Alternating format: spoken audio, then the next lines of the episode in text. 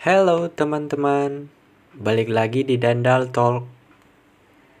Hari ini sesuai judul kita akan membahas sebuah emosi yang unik, yaitu iri. Iri mungkin adalah sebuah emosi yang kelihatannya tidak memiliki makna atau tujuan yang jelas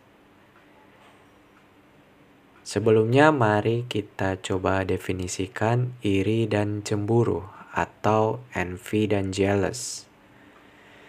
Cemburu bisa dibilang muncul akibat kita tidak ingin kehilangan seorang pribadi dan tidak ingin jauh dari kasih sayang orang tersebut.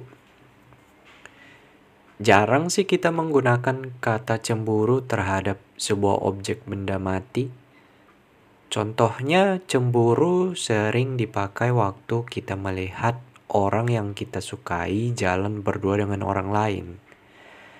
Sedangkan iri biasanya kita pakai dalam konteks ketika kita menjumpai orang di sekitar kita yang memiliki status lebih superior dibanding kita.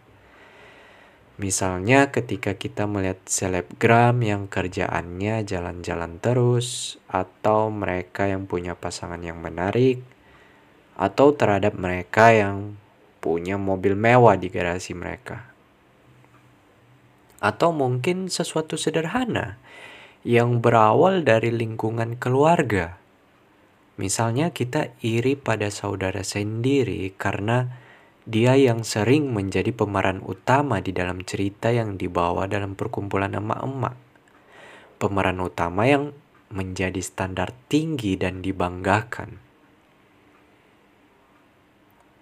Mari kita bandingkan iri dengan beberapa bentuk emosi lain dengan mengambil contoh dari animasi Disney berjudul Inside Out.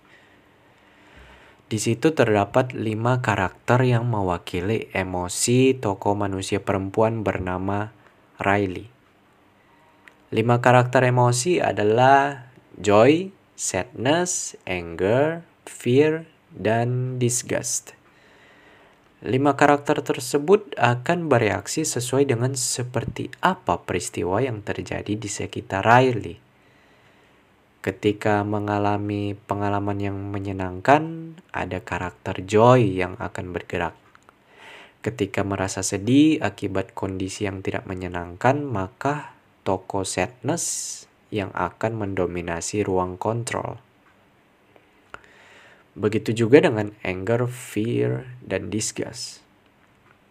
Salah satu permasalahan yang diusung di film Inside Out adalah bagaimana jika tidak ada joy dan sadness dalam diri Riley.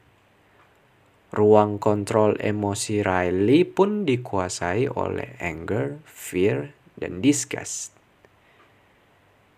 Dari sini kita tahu bahwa lima emosi itu saling berhubungan, saling mengikat, dan sulit untuk dihilangkan.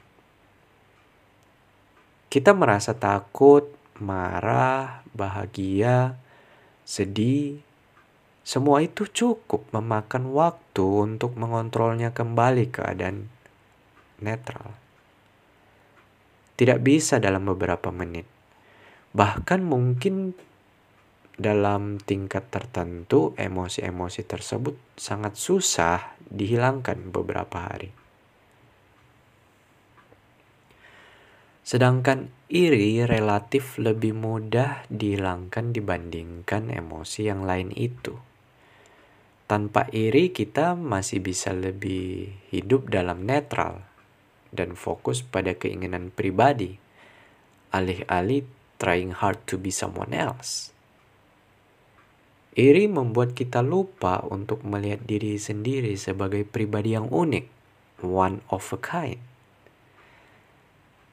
Tapi kan iri bisa menjadi bermanfaat karena itu akan memotivasi kita untuk terus mencoba keluar dari zona nyaman. Aku juga setuju dengan pendapat itu. Namun yang perlu kita ingat di sisi lain, iri punya peluang yang bisa membawa kita ke arah kebencian. tanpa disadari kita menjadi punya percikan kebencian di hati paling dalam dan mungkin berujung pada persaingan yang tidak sehat. Permasalahan ini sering kali kita temui di dalam film, di dalam cerita-cerita sejarah, cerita kitab suci, kita sering sering menemukan uh, dampak dari iri ini hanya karena teman seperjuangan, seprofesi, segenerasi, sehobi, sepermainan, memiliki sesuatu yang lebih superior atau prestasi yang lebih gemilang, bukan berarti kita tidak bisa melanjutkan di hari besok, bukan. Bukan berarti kita mengakhiri hari kita di hari ini dan bukan berarti kita tidak akan makan di hari besok. Iri tidak selalu menjadi sesuatu yang penting. Tapi kalau punya rasa iri, itu juga wajar. Kalau kamu bercita-cita jadi pemain sepak bola profesional, adalah sah jika kamu iri pada Cristiano Ronaldo bukan pada Elon Musk. Kalau kamu seorang perempuan yang bercita-cita menjadi politikus, sah-sah aja untuk iri pada Angela Merkel, bukan pada Mary Curie. Ngerti kan ya maksudnya? Artinya adalah hal baik kalau kamu iri terhadap orang yang ingin kamu lampaui suatu saat bukan iri hanya karena semata orang tersebut memiliki uang sekian di usia tertentu. Oke, sampai sini episode tentang iri. Terima kasih sudah mendengar episode ini. Sampai jumpa di episode Dendal Talk selanjutnya ya. Bye bye.